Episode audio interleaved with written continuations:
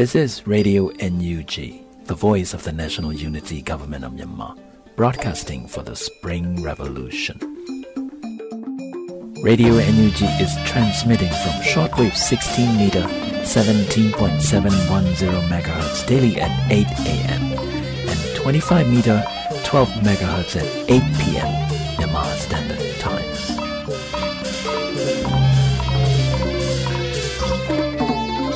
Mingla အမျိုးသားညီညွတ်ရေးအစိုးရရဲ့အသံလွှင့်ဌာန Radio NUG ကိုမနေ့၈နာရီမှာလိုင်းဒိုမီတာ16မီတာ19.87 MHz ညဘက်မှာလိုင်းဒိုမီတာ25မီတာ17 MHz တို့မှာတိုက်ရိုက်ဖမ်းယူနားဆင်နိုင်ပါပြီ။မင်္ဂလာအပေါင်းနဲ့ပြည့်စုံကြပါစေခုချိန်ကစပြီး Radio NUG အစီအစဉ်လေးကိုဓာတ်ရိုက်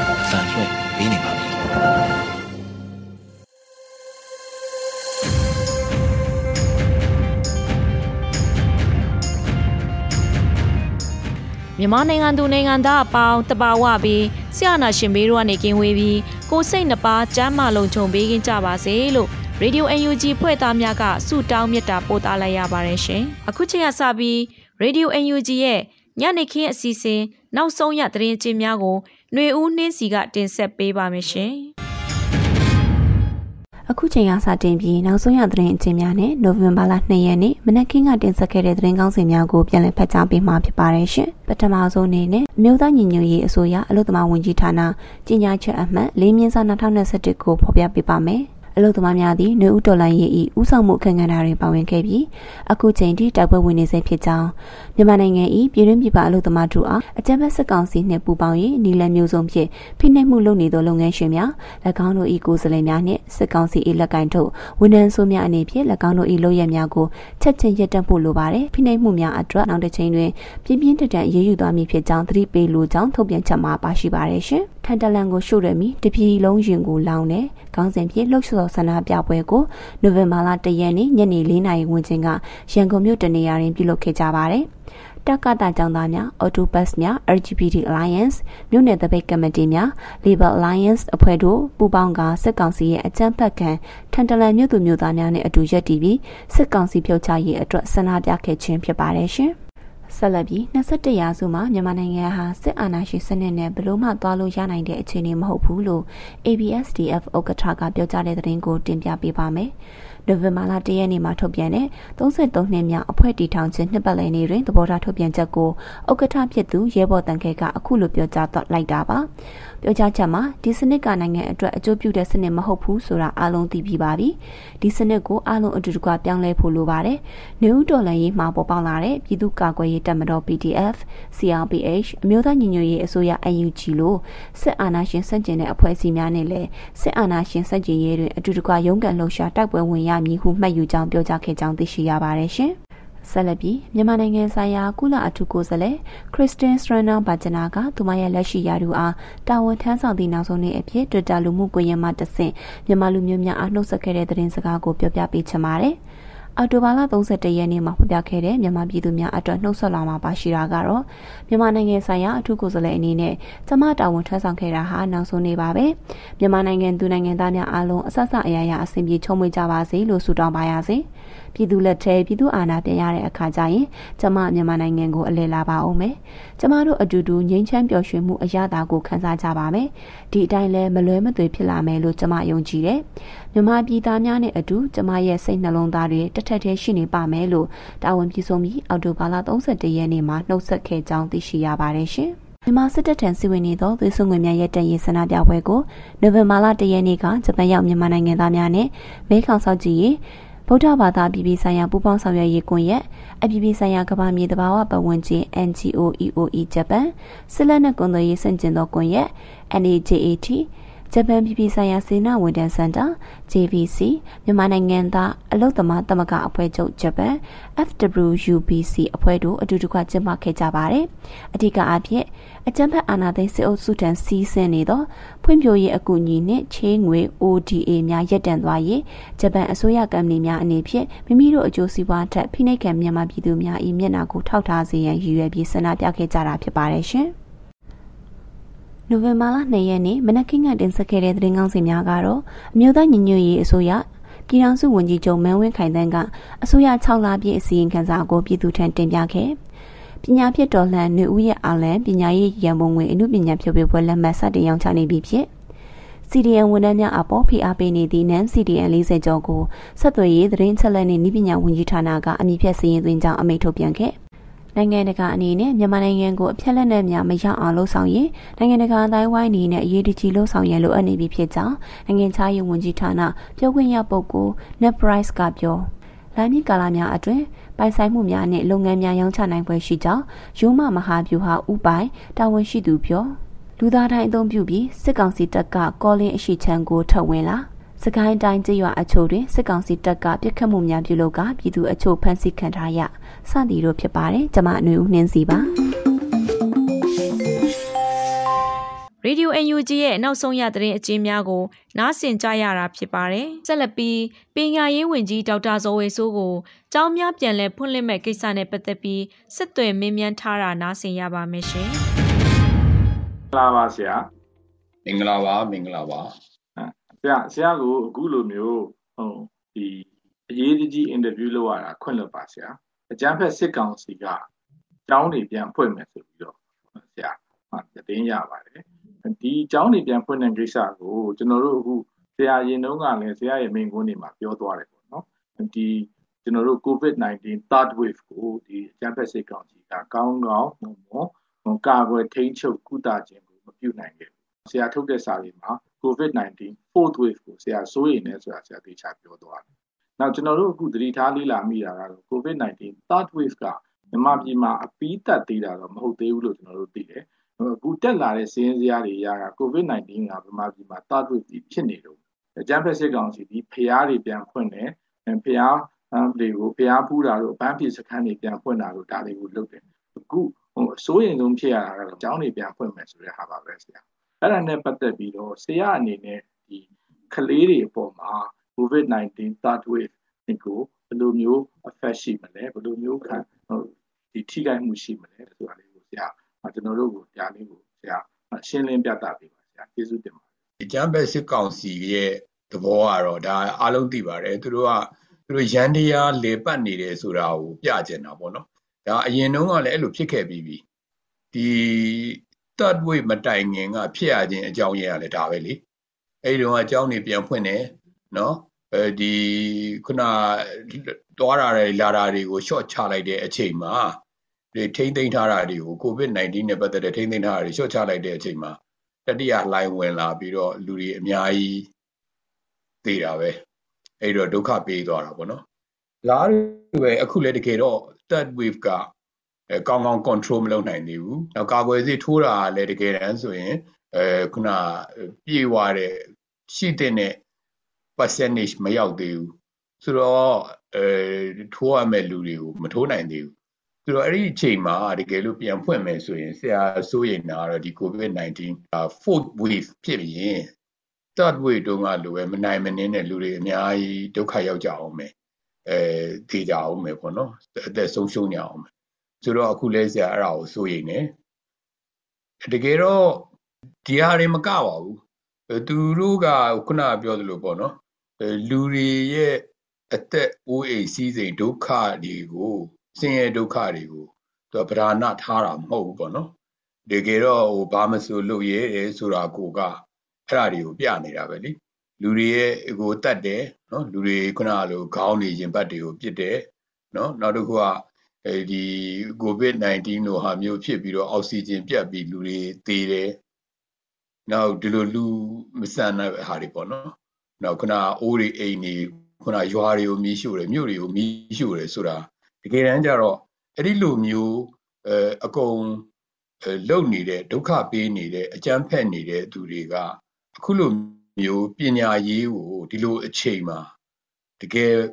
မသင့်တော်ဘဲနဲ့လောက်တာဟာ ဒါသူတို့ရဲ့အဲခုနအဲရန်တရားကိုပြခြင်းနဲ့သူတို့ရဲ့နိုင်ငံရေးအမျက်ထုတ်ခြင်းတဲ့သဘောပေါ့နော်ဆိုတော့ဒါတွေတွေ့နေရတာပေါ့ဆိုတော့ဒါကြောင့်ဒီဟာတွေနဲ့အခြေခံပြီးတော့ခုလိုမျိုးဖွင့်တဲ့အတွက်အကြောင်းတွေဖွင့်တဲ့အတွက်ဆရာကတော့အရန်ကိုစိုးရိမ်နေအဲ့ဒီကနေတဆင့်ကိုဗစ်ဖြစ်မယ်နောက်ကလေးတွေက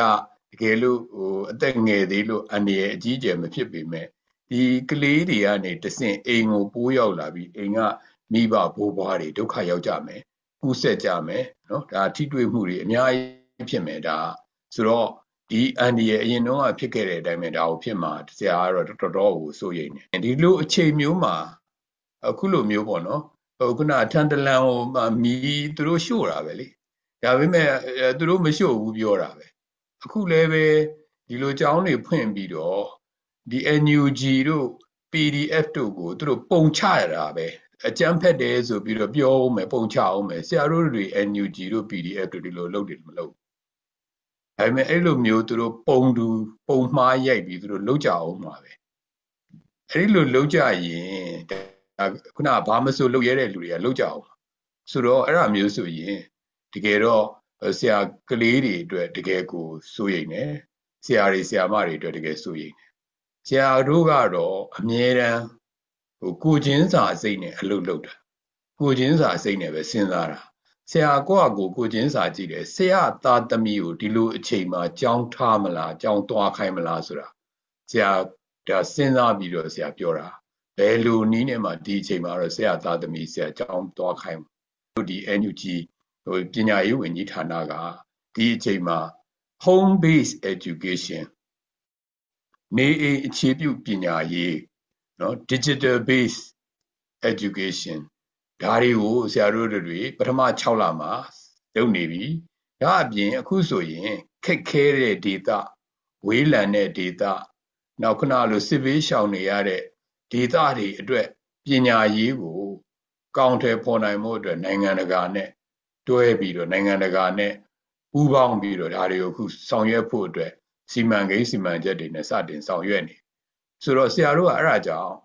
ဒီဟာကိုခုနကလေးတွေအများကြီးစုပြီးတင်တဲ့ဟာကိုဆရာတို့တွေသဘောမတူဘူးဒါကြောင့် home based education အိမ်မှာပဲပေါ့နော်အဲဒီဟာကိုဟိုသင်ယူနိုင်အောင်တို့ဒီဟာတို့စီစဉ်တယ် online နဲ့စီစဉ်ထားတယ် digital တွေနဲ့ဖြန့်ထားတယ်နော်ဒီလိုဟာမျိုးတွေအကုန်လုံးလုပ်တဲ့အပြင် တင်ကြားတာတဲ့တင်ယူတာကိုဦးစားပေးတာကိုလုပ်ရမှာအခုလဲဆရာတို့တွေ online ရောခုန digital ရောအဲဒီဟာကိုအခု on ground ရောပေါ့နော်မြေပြင်မှာရောအခုလိုသင်ယူနိုင်အောင်ကလေးတွေသင်ကြားတာတဲ့သင်ယူနိုင်အောင် learning ပေါ့နော် teaching တဲ့ learning ကိုဦးစားပေးတာကိုဆရာတို့စီစဉ်နေတယ်အပြင်အခုဆိုရင်ဒီအတန်းတက်တာနဲ့ပတ်သက်ပြီးတကယ်တော့အာမိဘတွေစိုးရိမ်နေကြတယ်ကလေးတွေအတန်းဘယ်လိုလုပ်ကြမလဲဆိုတဲ့အတန်းတက် တာနဲ့ပတ်သက်ပြီးရင်ဒါနိုင်ငံတကာမှာလည်းရှိတာပဲဆရာတို့မြန်မာနိုင်ငံကလေးတွေအမေရိကလိုနေရာမျိုးရွေ့သွားတဲ့အခါပဲဖြစ်ဖြစ်အဲ့ဒီကြရင်သူကအသက်အရွယ်နဲ့လိုက်တဲ့ပညာရေးကိုရအောင်လုပ်ပြီးတယ်အခုလဲဆရာတို့တွေအဲ့လိုလုပ်ကြမှာပဲအသက်အရွယ်နဲ့လိုက်တဲ့ပညာရေးကိုရအောင်လုပ်ဖို့နောက်တရားတွေကိုစမ်းစစ်မှုတွေဘယ်လိုလုပ်မလဲဆိုတာတွေလည်းဆရာတို့အခုစီစဉ်နေတယ်ဒါလည်းအားလုံးဆရာတို့ကြီးညာချက်တွေထဲမှာထုတ်ထားပြီးသားပဲနောက်သူ့မှာရှိတဲ့အည်အချင်းရှိအောင်လို့ individual တယောက်ချင်းတယောက်ချင်းစီရဲ့လိုအပ်ချက်ကိုဖြည့်ဆည်းပေးတဲ့ပညာရေးကိုဆရာတို့ပြန်ပြီးတော့ resume ပေါ့နော်ပညာရေးပြန်ကောင်းထဲပေါ်ဖို့အတွက်ဆရာတို့အသေးစိတ်တွေစီစဉ်နေတယ်။ဒါကြောင့်ဆရာအနေနဲ့တော့မိဘတွေကိုဆရာပြောချင်တယ်။အဲဒီလိုမျိုးအန္တရာယ်သိပ်များတဲ့ကိုယ်ကလေးတွေကိုအကြောင်းဟိုအခုလိုပုံစံမျိုးနဲ့ပြန်သွားတာထဲ learning ပေါ့နော်သင်ယူတတ်အောင် ခုလိုမျိုး home based education နောက်ကန digital base ကိုကျွန်တော်တို့အဲသင်ကြားကြဖို့ဆိုပြီးတော့ဆရာတို့ဒါကိုဟိုတိုက်တွန်းနေတယ်နောက်တစ်ခုကတော့အနာဂတ်အတွက်မြန်မာပြည်ကကလေးတွေရဲ့ပညာရေးအနာဂတ်အတွက်ဆရာတို့အကောင်းဆုံးဖြစ်အောင် NUG အနေနဲ့စီစဉ်နေတယ်ဒီကနေပြီးတော့ဂျာကာလာပြီးရင်အသွင်ကူးပြောင်းရေးကာလအသွင်ကူးပြောင်းရေးကာလပြီးရင် Federal Democracy ကာလဆိုပြီးတိုင်းပြည်ကိုအဲ့ဒီလိုပုံစံမျိုးနဲ့ ပညာရေးကိုလည်းဒီလိုပုံစံမျိုးနဲ့တိဆောက်ဖို့အသေးစိတ်ဆရာတို့တွေပြင်ဆင်နေတယ်တိုင်းရင်းသားဖွဲ့စည်းတွေနဲ့ရောနိုင်ငံတကာနဲ့ရောပေါင်းစပ်ပြီးတော့ဆရာတို့တွေဒါတွေကိုစီစဉ်နေတယ်ခုဆိုရင်မြန်မာပညာရေးကိုတကယ်ခုနလို Federal Democracy နဲ့ကိုက်ညီတဲ့ပညာရေးဖြစ်အောင်ဆရာတို့တွေကြိုတင်စီစဉ်ရေးဆွဲနေတယ်ဆိုတာကိုဆရာအနေနဲ့အသိပေးခြင်းနဲ့နောက်ဒီတော်လန်ရေးကြီးအမြန်ဆုံးပြီးသွားတာနဲ့ ပထမဦးဆုံးဆရာတို့အခုလဲဦးစားပေးပြီးလုပ်နေတယ်အဲ့ကြရင်ပထမဦးဆုံးလုပ်မဲ့အလုပ်ကလည်းပညာရေးပဲပညာရေးကိုအကောင်းဆုံးမြန်မာပြည်ကဒီအနာဂတ်မျိုးဆက်တစ်တွေအတွက်အကောင်းဆုံးပညာရေးဖြစ်အောင်ဆရာတို့စီစဉ်ဆောင်ရွက်သွားမယ်လို့ဆရာအနေနဲ့တော့ဒီနေရာမှာပြောချင်တယ်အဲ့တော့တရားကြောင့်တကယ်တမ်းကျရင်အခုလိုမျိုးဘာမဆိုလုပ်ရဲတယ်ဆိုတော့ဘယ်တော့မှတိုင်းပြည်အတွက်လူသားတွေအတွက် မကြည့်တဲ့အခုလိုအကြမ်းဖက်စစ်ကောင်စီရဲ့အခုလိုမျိုးမစင်မချင်တဲ့အခုလိုကျောင်းတွေကိုပြန်ဖွင့်မယ်ဆိုတာကိုတော့ဆရာအနေနဲ့မိဘတွေရောကျောင်းသားတွေရောတည်တည်ချာချာလေးတွေးတော်ဆင်ကျင်ပြီးတော့ဒါကိုအဲစန့်ကျင်ကြဖို့လိုလိမ့်မယ်လို့ဆရာတော့အဲမြင်တယ်ဒါအပြင်တစ်ဖက်ကဒီဘက်က NUG ရဲ့ MOE ရဲ့ဒီပညာရေးဝန်ကြီးဌာနရဲ့ home based education အားလုံးလည်းကျေးဇူးတင်ပါတယ်အခုဆိုရင်ဒီမြန်မာတနိုင်ငံလုံးမှာဒီ home based education ကိုအကောင့်ထဲပေါ်ပေးနေတဲ့မြို့နယ်ပေါင်း298ခုရှိပါတယ်ဆိုတော့အဲ့ဒါတော်တော်လေးကိုဟိုအားရပါတယ်အဲ့ဒါကိုလည်းဆက်ပြီးတော့လည်းဆရာတို့လည်းအားပေးပြီးတော့စွမ်းကုန်ကြိုးစားပြီးဆောင်ရွက်သွားပါမယ်လို့ဆရာအနေနဲ့ပြောကြားလိုပါတယ်အဲကျေးဇူးတင်ပါတယ် ဒီတရားတရားဒီလိုအချိန်မှာပြောခွင့်ရတာကြည်ကြားခွင့်ရတာ Radio UNG မှာဆက်လက်တန်လွှင့်နေပါတယ်ဆက်လက်ပြီး PDF တပ်ဖွဲ့ဝင်ကာကာရှိရဲ့တော်လိုင်းရေးခံယူချက်နဲ့အတွေ့အကြုံများကိုနားဆင်ကြရမှာဖြစ်ပါတယ်ရှင်ကျွန်တော်ရဲ့ရဲဘော်နာမည်ကတော့ခခရှိပါဒီအသက်ကတော့23နှစ်ရှိပါပြီအဲ PDF ထဲဝင်ဖို့ဆိုတာထက်ကျွန်တော်ကဒီရင်ကလေးကစကားစာကိုမကျင်တတ်တာပါဘာလို့လဲဆိုတော့ဒီကောင်တွေက ကျွန်တော်တို့ဒီစစ်ပေးဒုက္ခတွေထွက်ပြေးတင်းရှောင်တာလေသူတို့လက်ချက်ပါပဲခုသူတို့ဥပိုင်တို့ဘာလို့မြန်မာနိုင်ငံစီးပွားရေးကိုချဲလဲနေတာလေသူတို့လက်ချက်ပါပဲအဲ့ဒါအောက်မှာသူတို့ကဒီဖေဖော်ဝါရီတရက်နေ့မှာအာနာစကောက်သိမ်းလိုက်တော့ခါကျတော့ကျွန်တော်တွေးထားတာပေါ့ဗျာဆန္ဒပြအောင်တက်တက်နဲ့ဒါပြီးမဲ့ကိစ္စမဟုတ်ဘူးနောက်ဆုံးလက်နက်ကင်လမ်းစဉ်ကိုကျင့်သုံးမှဒါပြီးမဲ့ကိစ္စဖြစ်တဲ့အတွက်ကျွန်တော်က PDF ထဲကိုဝင်လာခဲ့တာဖြစ်ပါတယ်အဲမိသားစုနဲ့တိုင်ပင်ခဲ့တာမရှိဘူးဗျကျွန်တော်အတီးပေးခဲ့ရုံပဲရှိပါတယ် ကျွန်တော်အမကိုဖုန်းဆက်ပြီးအတီးပေးခဲ့ဒီလက်နဲ့ PDF ထဲဝင်မယ်ဒီဘက်ကိုလောက်ရောက်လာမယ်ဆိုတာအတီးပေးခဲ့တာပဲရှိပါတယ်တင်နန်းကာလာမှာတော့အခက်ခဲတွေစိန်ခေါ်မှုတွေကတော့အများကြီးပဲဗျဒီပြောမပြနိုင်အောင်ကိုစိန်ခေါ်မှုတွေအခက်ခဲတွေများစွာရှိခဲ့တယ်ဒါပေမဲ့ဒီအခက်ခဲတွေစိန်ခေါ်မှုတွေကကျွန်တော်စစ်ပေးဒုက္ခသည်တွေရဲ့အခက်ခဲတွေနဲ့စာရင်တော့တသေးလေးလို့ကျွန်တော်စိတ်ထဲမှာထင်မိပါတယ်ဗျအဲ့လိုအခက်ခဲစိန်ခေါ်မှုတွေတွေ့ကြုံလာတဲ့အခါကျွန်တော်တို့ဒီဆန္ဒပြမှာတည်တဲ့လူတွေရဲ့မိသားစုပုံရိပ်တွေ ဒီကြရင်စစ်ပေးဒုက္ခသည်တွေရဲ့ထွက်ပြေးတင်းရှောင်နေရတဲ့ပုံရိပ်တွေမှာကျွန်တော်စိတ်ထဲမှာအဲ့အဲ့ဒါတွေကစစ်ကောင်စီကိုနာကြီးချက်တွေနဲ့မြင်နေထင်မိလာတယ်အဲ့နာကြီးချက်တွေကပဲကျွန်တော်ဒီခက်ခဲတွေစိန်ခေါ်မှုတွေအတွက်တွန်းကန်အားပေးဖြစ်စေတာကိုဖျက်ကျော်ဖို့အတွက်တင်တန်းမှာကျွန်တော်ဒီခြေခံစစ်ပညာတင်တန်းနဲ့တမ်းမြင့်တင်တန်းကျွန်တော်တက်ခဲ့ရခေါင်းစုံမှုတင်တန်းပေါ့အဲ့မှာတော့ကျွန်တော်တော်တော်များများတင်ယူခဲ့ရပါတယ်ခြေခံစစ်ပညာတင်တန်းမှာစစ်သားကောင်းတယောက်ရှိသည့်စစ်တိုက်တဲ့ခြေခံစစ်ပညာကိုတင်ယူခဲ့ရတယ် ဒီခေါင်းဆောင်မှုတင်တန်းတမ်းမြင့်တင်တန်းမှာတော့ကျွန်တော်စိတ်ပညာစိတ်ပိုင်းဆိုင်ရာအကျန်းခိုင်မှုကိုကျွန်တော်တင်ယူခဲ့ရပါတယ်အဓိကအဖြစ်တော့ဒေါ်လာရေးကာလာပြီးသွားမယ်ဆိုရင်ကျွန်တော်တော့ဒေါ်လာရေးတွေးမှပဲကျွန်တော်ဘလောက်ပေးဆက်ပြီးလဲကျွန်တော်ပြည်သူတွေအတွက်ဘလောက်ပေးဆက်ပြီးဆိုတာလည်းတွေးရပြဒေါ်လာရေးကာလာပြီးသွားရင်တော့တကယ်လို့ဖရယ်ပြောင်းစုကြီးငင်းငင်းသွားမယ်ဖရယ်ပြောင်းစုလည်းဖြစ်သွားမယ်ဆိုရင်တော့ဒီ PDF ထဲမှာတောင်းထမ်းဆောင်လို့ရရင်လည်းပြန်လဲထူထောင်ရေးကာလာမှာတောင်းထမ်းဆောင်လို့ရရင်လည်းထမ်းဆောင်မယ်ခင်ဗျပြည်သူတွေ ဒီလိုသတင်းစကားမျိုးပေးခြင်းလေဆိုတာနောက်ထပ်မကြာမီချိန်တွေမှာပဲကျွန်တော်တို့ကဒီစကားစာကိုပြည်သူတွေနဲ့တူလက်တွဲပြီးတော့ပြည်သူတွေကလည်း PDF ပါပဲ PDF ကလည်းပြည်သူပါပဲကျွန်တော်တို့ကဒီလိုမျိုးပြန်လည်လွတ်တွဲပြီးတော့ခါကျတော့စကားစာကိုတော်လန်ရမှာဖြစ်ပါတယ်အမြင့်ဖြတ်တိုက်ဖြုတ်ရမှာဖြစ်ပါတယ်ပြီးကြရင်တစ်ကစပြီးပြန်လည်ထူထောင်ရေးမှာလည်းကျွန်တော်တို့အားလုံးကအတူတကွပူးပေါင်းပြီးတော့ဖက်ဒရယ်ပြည်ထောင်စုတည်ကြီးစီကိုခြောက်လန်းသွားရမှာဖြစ်ပါတယ်လို့ပြောချင်ပါတယ် ရေဒီယို UNG မှဆက်လက်တန်လွှင့်နေပါတယ်ဆက်လက်ပြီးရသက်တပတ်မိုးလေဝသအခြေအနေကိုတင်ဆက်ပေးမှာဖြစ်ပါတယ်ရှင်ရသက်တပတ်မိုးလေဝသခန့်မှန်းချက်2021ခုနှစ်နိုဝင်ဘာလ1ရက်နေ့မှနိုဝင်ဘာလ9ရက်နေ့အထိမိုးလေဝသအခြေအနေတွေကိုတင်ပြသွားပါမယ်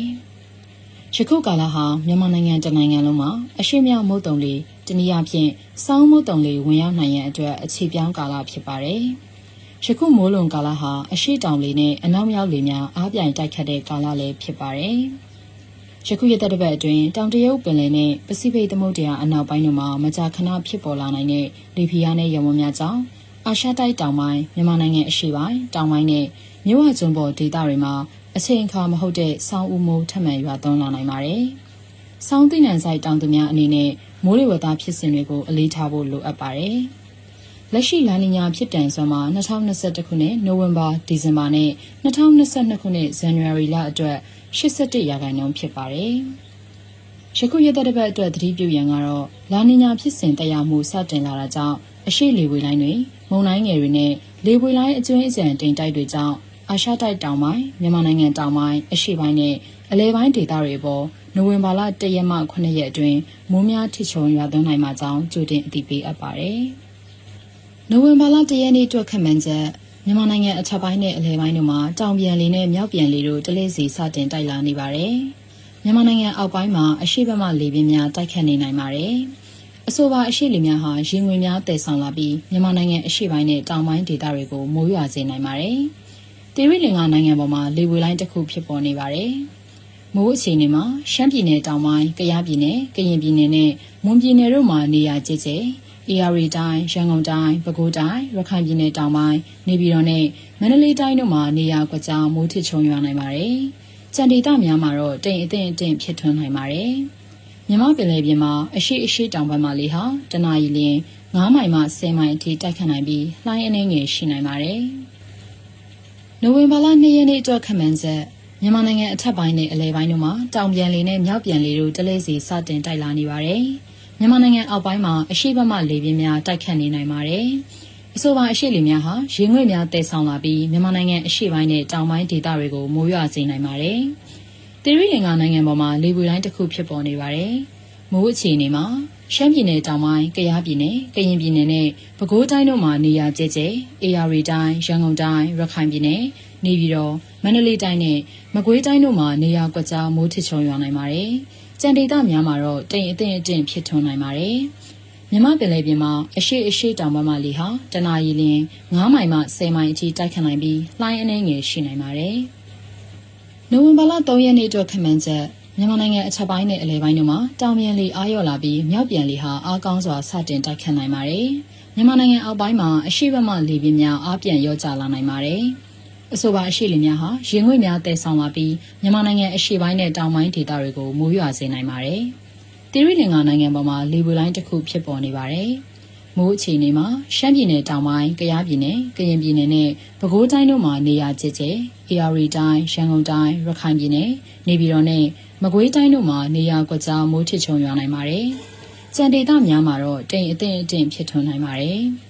မြမပင်လယ်ပြင်မှာအရှိအရှိတောင်ဘက်မှလေဟာတနအီလ9မိုင်မှ10မိုင်အထိတိုက်ခတ်နိုင်ပြီးလှိုင်းအနှဲငယ်ရှိနိုင်ပါတယ်။နိုဝင်ဘာလ4ရက်နေ့အတွက်ခန့်မှန်းချက်မြန်မာနိုင်ငံအထက်ပိုင်းနဲ့အလယ်ပိုင်းတို့မှာတောင်ပြန်လေအားရော့လာပြီးမြောက်ပြန်လေဟာအားကောင်းစွာစတင်တိုက်ခတ်နိုင်ပါတယ်။မြန်မာနိုင်ငံအောက်ပိုင်းမှာအရှိဘက်မှလေပြင်းများအားပြန်ရော့ကျလာနိုင်ပါတယ်။အဆိုပါအရှိလေများဟာရေငွေ့များတည်ဆောင်လာပြီးမြန်မာနိုင်ငံအရှိပိုင်းနဲ့တောင်ပိုင်းဒေသတွေကိုမိုးရွာစေနိုင်ပါတယ်။ တိရိလင်္ကာနိုင်ငံပေါ်မှာဖြစ်ပေါ်နေတဲ့လေဝူလိုင်းဟာအားပြော့ပြက်ပြဲသွားနိုင်ပါတယ်။မိုးအခြေအနေမှာကယားပြည်နယ်၊ကရင်ပြည်နယ်၊ပဲခူးတိုင်းနဲ့မွန်ပြည်နယ်တို့မှာနေရာကျကျအေရရီတိုင်းရန်ကုန်တိုင်းရခိုင်ပြည်နယ်နေပြည်တော်မကွေးတိုင်းနဲ့ရှမ်းပြည်နယ်တို့မှာနေရာကွက်ကြားမိုးထစ်ချုံရွာနိုင်ပါတယ်။ကြံဒေသများမှာတော့တိမ်အထင်အထင်ဖြစ်ထွန်းနိုင်ပါတယ်။မြမပင်လယ်ပြင်မှာအရှိအရှိတောင်ဘက်မှလေဟာတနအီလ9မိုင်မှ10မိုင်အထိတိုက်ခတ်နိုင်ပြီးလှိုင်းအနှဲငယ်ရှိနိုင်ပါတယ်။ နိုဝင်ဘာလ9ရက်နေ့အတွက်ခန့်မှန်းချက်မြန်မာနိုင်ငံအထက်ပိုင်းနဲ့အလယ်ပိုင်းတို့မှာအနောက်အနောက်မြောက်ပြန်လေတို့အားကောင်းစွာစတင်တိုက်ခတ်လာနေပါတယ်။မြန်မာနိုင်ငံအောက်ပိုင်းမှာအရှိဘမလေပြင်းများဆက်လက်အားရောကျလာနိုင်ပါတယ်။အဆိုပါအရှိလေများဟာရေငွေ့များတည်ဆောင်လာပြီးမြန်မာနိုင်ငံအရှိပိုင်းနဲ့တောင်ပိုင်းဒေသတွေကိုမိုးရွာစေနိုင်ပါတယ်။မိုးအခြေအနေမှာကယားပြည်နယ်၊ကရင်ပြည်နယ်နဲ့ပဲခူးတိုင်းတို့မှာနေရာကျကျ၊အေရီတိုင်း၊ရန်ကုန်တိုင်း၊ရခိုင်ပြည်နယ်၊ နေပြည်တော်မကွေးတိုင်းနဲ့ရှမ်းပြည်နယ်တို့မှာနေရာကွက်ကြားမိုးထစ်ချုံရွာနိုင်ပြီးကြံဒေသများမှာတော့တိမ်အထင်အထင်ဖြစ်ထွန်းနိုင်ပါတယ်။မြမပင်လယ်ပြင်မှာအရှိအရှိမြောက်ဘက်မှလေဟာတနအီလ9မိုင်မှ10မိုင်အထိတိုက်ခတ်နိုင်ပြီးလှိုင်းအနှဲငယ်ရှိနိုင်ပါတယ်။နိုဝင်ဘာလ6ရက်နေ့ကျော်ခန့်မှန်းချက်မြန်မာနိုင်ငံအထက်ပိုင်းနဲ့အလယ်ပိုင်းတို့မှာအနောက်အနောက်မြောက်ပြန်လေတို့အားကောင်းစွာစတင်တိုက်ခတ်လာနေပါတယ်။မြန်မာနိုင်ငံအောက်ပိုင်းမှာအရှိဘက်မှလေပြင်းများဆက်လက်အားရော့ကျလာနိုင်ပါတယ်။ အဆိုပါအရှိလေများဟာရေငွေ့များတည်ဆောင်လာပြီးမြန်မာနိုင်ငံအရှိပိုင်းနဲ့တောင်ပိုင်းဒေသတွေကိုမိုးရွာစေနိုင်ပါတယ်။မိုးအခြေအနေမှာကတနင်္သာရီတိုင်းမွန်ပြည်နယ်ကယားပြည်နယ်ကရင်ပြည်နယ်ပဲခူးတိုင်းအေရီတိုင်းရန်ကုန်တိုင်းရခိုင်ပြည်နယ်နေပြည်တော်မကွေးတိုင်းနဲ့ရှမ်းပြည်နယ်တို့မှာနေရာကွက်ကြားမိုးထချုံရွာနိုင်ပြီးကြံဒေသများမှာတော့တိမ်အထင်အထင်ဖြစ်ထွန်းနိုင်ပါတယ်။မြမပင်လယ်ပြင်မှာမြောက်အရှိမြောက်မှလေဟာတနအီလရင် 9မိုင်မှ10မိုင်အထိတိုက်ခတ်နိုင်ပြီးလှိုင်းအနေငယ်ရှိနိုင်ပါတယ်။နိုဝင်ဘာလ9ရက်နေ့အတွက်ခန့်မှန်းချက်မြန်မာနိုင်ငံအထက်ပိုင်းနဲ့အလဲပိုင်းတို့မှာမြောက်အရှိမြောက်လေတို့ပြောင်းလဲ၍စတင်တိုက်ခတ်လာနိုင်ပါတယ်။မြန်မာနိုင်ငံအောက်ပိုင်းမှာအရှိဘက်မှလေပြင်းများဆက်လက်အားရောကျလာနိုင်ပါတယ်။မိုးအခြေအနေမှာတနင်္သာရီတိုင်းမွန်ပြည်နယ်ကယားပြည်နယ်ကရင်ပြည်နယ်ပဲခူးတိုင်းနေပြည်တော်မကွေးတိုင်းနဲ့ရှမ်းပြည်နယ်တို့မှာနေရာကွက်ကြားမိုးထချုံရွာနိုင်ပြီးကြံဒေသများမှာတော့ တိမ်အထင်အထင်ဖြစ်ထွန်းနိုင်ပါတယ်။မြမပင်လယ်ပြင်မှာမြောက်အရှိမြောက်ဖက်မှလေဟာတနအီလင်း9မိုင်မှ10မိုင်အထိတိုက်ခတ်နိုင်ပြီးလှိုင်းအနေငယ်ရှိနိုင်ပါတယ်။ဆက်လက်ပြီးမြို့ဝင်းဦးရေးသားတဲ့ဖေဖော်ဝါရီရဲ့လမ်းများဆိုတဲ့တော်လှန်ရေးကဗျာကိုခန်းစားနားဆင်နိုင်ပါပြီရှင်။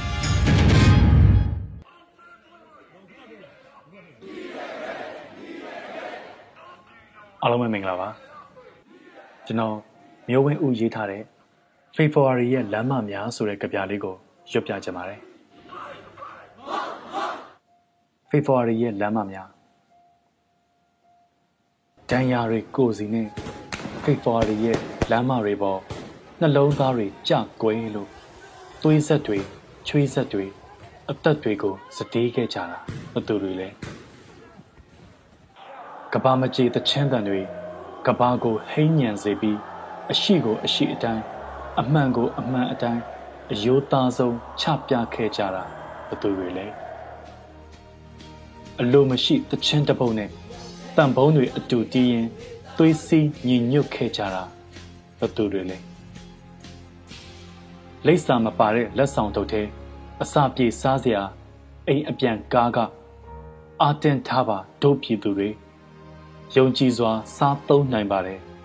စာတန်းလေးတွေရေးချယ်ရင်မေတ္တာတွေဂယုဏတွေဖြူစင်စွာမျှဝေခဲ့ကြတာဘသူတွေလဲရန်သူကိုရန်သူလိုသဘောမထားရေတန့်ဘူးနဲ့စားစရာတွေနှင်းစီပန်းတွေလက်ဆောင်ပေးပြည်သူဘက်ရက်တီပေးဖို့အတနာခံခဲ့ကြတာဘသူတွေလဲအားပေးခဲ့ကြတယ်ဖေးမခဲ့ကြတယ် တီးခံခဲ့ကြတယ်တောက်ခံခဲ့ကြတယ်အကြောက်တရားဆိုတာဘာလဲပြန်မေးရလောက်အောင်ရဲရင်ခဲ့ကြတယ်တော်လှန်ခဲ့ကြတယ်ကြွေးကြော်တန်တွေစုညံနေခဲ့တဲ့လမ်းမသူရဲကောင်းတို့သွေးတွေစီးဝင်နေခဲ့တဲ့လမ်းမဆေးရောင်စုံပကြီးကားလိုအယောင်အသွေးစုံလင်ခဲ့ဘူးတဲ့လမ်းမမောင်ရင်နှမရင်လိုပွင့်လင်းချစ်ခင်ခဲ့တဲ့လမ်းမ ကြည်ကွဲခြင်းဝမ်းနေခြင်းနာကြည်ခြင်းမုန်းတီးခြင်းတွေရှိခဲ့ဘူးတဲ့လမ်းမအဲ့ဒီလမ်းမပေါ်ကြွေခဲ့ကြတဲ့စပယ်တပွင့်အတွက်တန်ရာတန်ချေနှင်းစီတစ်ခတ်အတွက်တန်ရာတန်ချေပြန်မပေးနိုင်သေးပဲအလံလိတ်ဖို့တင့်သလားအတန်ပိတ်ဖို့တင့်သလားဒီတစ်ခါပေတရားဆိုတာအောင်လံထူပြီးရှောက်ဖို့ပဲဖြစ်လိမ့်မယ် အိုးစီဘုံမောင်းတွေတီးရင်ရီမောပျော်ရွှင်ခြင်းတွေနဲ့အောင်ပွဲရဲ့တခြင်းကိုတီးဆိုကြမှာဘသူတွေလဲအမောင်ကဘာကြီးရဲ့လောင်ပိတ်ထားတဲ့တကားတွေကိုကျွန်တော်တို့အားလုံးဂျိုင်းတူတွန်းဖွင့်ဖို့တော့လိုလိမ့်မယ်မျိုးဝင်းဦးဒီကနေ့တော့ဒီညနဲ့ပဲ Radio NUG အစီအစဉ်လေးကိုကိတ္တရန်နာလိုက်ပါမယ် မြန်မာစံတော်ချိန်မနေ့၈နာရီညနေ၈နာရီတို့မှာပြန်လည်တွေ့ဆုံကြပါစို့ Radio NUG ကိုမနက်၈နာရီမှလိုင်းဒိုမီတာ16မီတာ19.87 MHz ညဘက်မှာလိုင်းဒိုမီတာ25မီတာ17 MHz တို့မှာတိုက်ရိုက်ဖမ်းယူနားဆင်နိုင်ပါပြီ။မြန်မာနိုင်ငံသူနိုင်ငံသားများကိုယ်စိတ်နှပြချမ်းမာချမ်းသာလို့ဘေးကင်းလုံခြုံကြပါစေလို့ Radio NUG အဖွဲ့သူအဖွဲ့သားများဆုတောင်းပေးလိုက်ပါတယ်။အမျိုးသားညီညွတ်ရေးအစိုးရရဲ့ဆက်သွယ်ရေးသတင်းအချက်အလက်နဲ့ဤပညာဝန်ကြီးဌာနကထုတ်လွှင့်နေတဲ့ Radio NUG ဖြစ်ပါတယ်။ San Francisco Bay Area အခြေစိုက်မြန်မာမိသားစုများနဲ့နိုင်ငံတကာကစေတနာရှင်များလုံအားပေးများရဲ့ Radio NUG ဖြစ်ပါတယ်။အရေးတော်ပုံအောင်ရမည်